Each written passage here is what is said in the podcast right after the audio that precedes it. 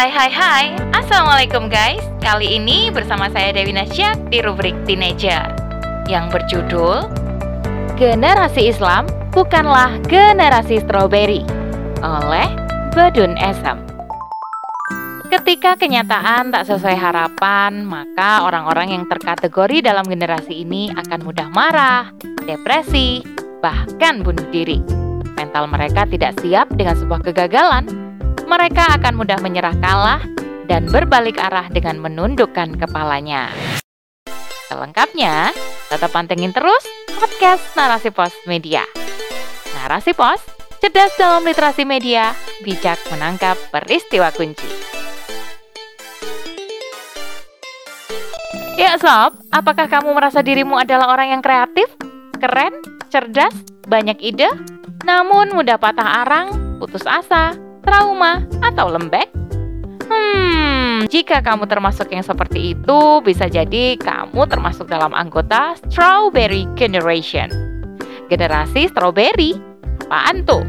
Yap, generasi strawberry berasal dari sebuah neologisme bahasa Tionghoa yang digunakan untuk menyebut orang Taiwan yang lahir setelah tahun 1981 yang katanya gampang mengkerut layaknya buah stroberi. Makna dari generasi stroberi adalah sebutan bagi mereka yang tidak mampu menghadapi tekanan sosial serta tidak mempunyai semangat kerja keras layaknya generasi orang tua mereka atau kata lain istilah ini digunakan untuk menyebut generasi manja, generasi malas, namun arogan. Istilah ini berkembang dikarenakan orang-orang yang termasuk dalam kategori generasi strawberry ini dianggap terlalu banyak dilindungi secara berlebihan dan terlalu dimanjakan dalam masalah ekonomi. Ya, bisa dibilang mereka tinggal minta apa yang mereka mau tanpa harus bersusah-susah. Seperti halnya tanaman stroberi yang diperlakukan dengan baik dari tanaman lain, digantung di tempat tinggi, dimasukkan ke rumah kaca agar terlindungi dan terjaga. Jika dilihat dari faktanya, memang generasi stroberi ini terlihat keren guys karena pendidikan mereka yang terjamin tanpa disibukkan dengan urusan kehidupan yang membuat mereka bebas melakukan apa saja untuk mengeksplorasi kemampuan mereka. Maka, tak heran mereka menjelma menjadi generasi yang kreatif dan banyak ide. Namun, meski mereka terlihat kreatif dan cerdas, ternyata mereka mudah sekali melempem, gampang frustasi, dan gampang sakit. Mereka generasi yang bercita-cita besar, melakukan perubahan-perubahan besar, namun mereka tidak suka kerja keras. Mereka suka hal-hal instan alias senang jalan pintas. Akibatnya nih sob, ketika kenyataan tak sesuai harapan, maka orang-orang yang terkategori dalam generasi ini akan mudah marah, depresi, bahkan bunuh diri. Mental mereka tidak siap dengan sebuah kegagalan. Mereka akan mudah menyerah kalah dan berbalik arah dengan menundukkan kepalanya. Seakan-akan dunia telah menemui ajalnya karena pola pendidikan mereka mengajarkan menjadi ambisius namun nirreligius. Mereka lupa bahwa kegagalan itu proses menuju kesuksesan serta ada Allah yang maha kuasa. Jiwa mereka rapuh guys. Ya, seperti buah stroberi, kulitnya terlihat sangar dan kokoh. Namun jika diusap sedikit saja, maka akan mudah terkelupas dan bonyok. Coba deh kita lihat fenomena anak muda sekarang penampilan kuat, tapi baru putus cinta sudah pengen bunuh diri. Mereka senang hal-hal mewah, suka berhura-hura, bahkan flexing. Akan tetapi nih, mereka tidak mengenal kata bekerja keras, kesabaran, keuletan, padahal kesuksesan dibangun dari hal-hal itu. Akibatnya, mereka akan mudah ambruk dan roboh dengan sedikit guncangan yang menerpa. Dalam Islam, pemuda adalah aset yang sangat berharga. Islam pun menaruh perhatian besar pada para pemudanya. Pemuda merupakan agen perubahan, penerus estafet perjuangan, dan kepemimpinan dunia. Makanya, dalam Islam, eksistensi pemuda sangat penting. Pemuda dalam Islam adalah pemuda tangguh, hasil pendidikan keluarga muslim yang tangguh, serta sistem yang tangguh yang memfasilitasi tumbuh kembang generasi menjadi pemuda yang kuat serta taat yang tak hanya berorientasi ke duniaan semata, namun bervisi jauh ke depan, yaitu kebahagiaan di kehidupan akhirat. Karena sesungguhnya usia muda kelak akan dimintai pertanggungjawabannya di hadapan Allah loh guys. Nah, dalam kitab As-Sahihah nomor 946, Imam At-Tirmizi meriwayatkan hadis Rasulullah SAW terkait masa muda yang akan ditanya oleh Allah kelak di hari perhitungan. Gini nih bunyinya. Tak akan bergeser kaki seorang hamba di hari kiamat dari sisi robnya sebelum ditanya tentang lima perkara. Mengenai umurnya untuk apa ia gunakan, masa mudanya untuk apa ia habiskan, hartanya dari mana ia hasilkan dan untuk apa, dan ilmu untuk apa yang ia amalkan. Sedangkan dalam pandangan Islam, ujung tombak keberhasilan ataukah kegagalan perjuangan dakwah ditentukan bagaimana cara untuk melejitkan potensi para pemuda. Jika kita baca Sirah Nabawiyah, maka akan kita dapatkan kisah-kisah para pemuda pemberani dan tangguh yang memeluk dan memperjuangkan Islam.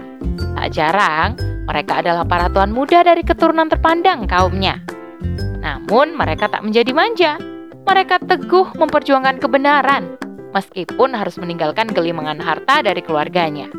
Dengan keimanan yang kokoh serta tekad baja, mereka menjelma menjadi kesatria-kesatria Islam dan menjadi para pemimpin umat dari kalangan pemuda. Contohnya, ada Mus'ab bin Umair, sang crazy rich kaum Quraisy yang tak gentar dengan pemboikotan keluarganya dengan memblokir semua asetnya. Tak takut jatuh miskin demi Islam, meski harus menanggalkan semua outfitnya yang super mahal dan trendsetter. Dia menjelma menjadi dai yang mengajak penduduk Yastrib masuk Islam dan syuhada Uhud.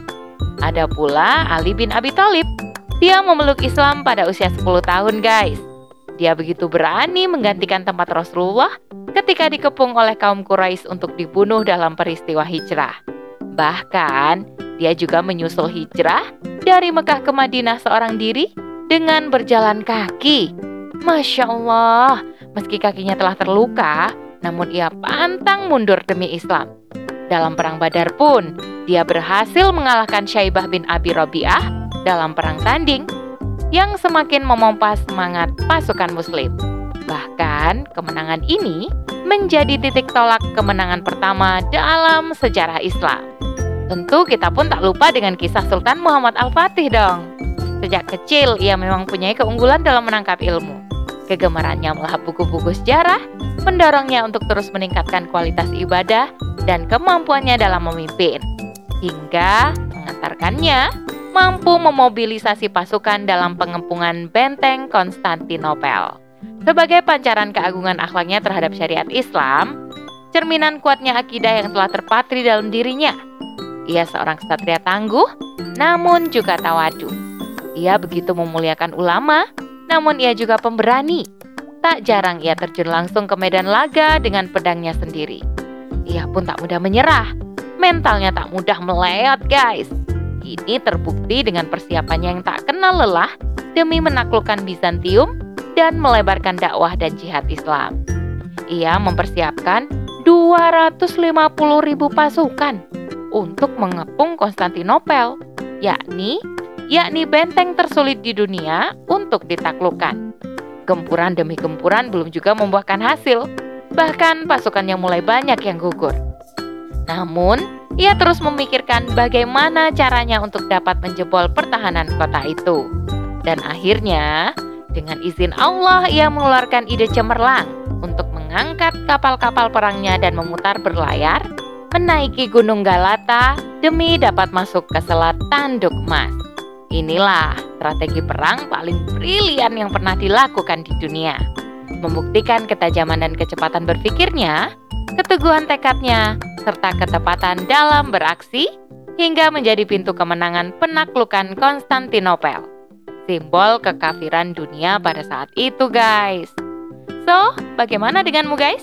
Apakah kamu sudah merasakan apa yang dirasakan Musab bin Umair, Ali bin Abi Thalib, atau kamu Muhammad Al-Fatih? Sudahkah kamu berjuang untuk agamamu? Dan tidak mudah melewat dengan gara-gara putus cinta atau urusan duniawi semata? Apakah kamu masih suka baper dengan bulian teman? Apakah masih ingin jadi generasi stroberi? yang mudah penyok hanya dengan sedikit ujian hidup?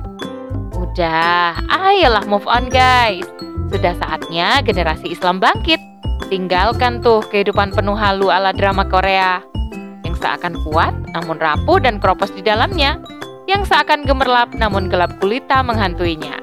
Jadilah pemuda Islam yang tangguh, yang tak mudah melempem, apalagi cepat patah arang.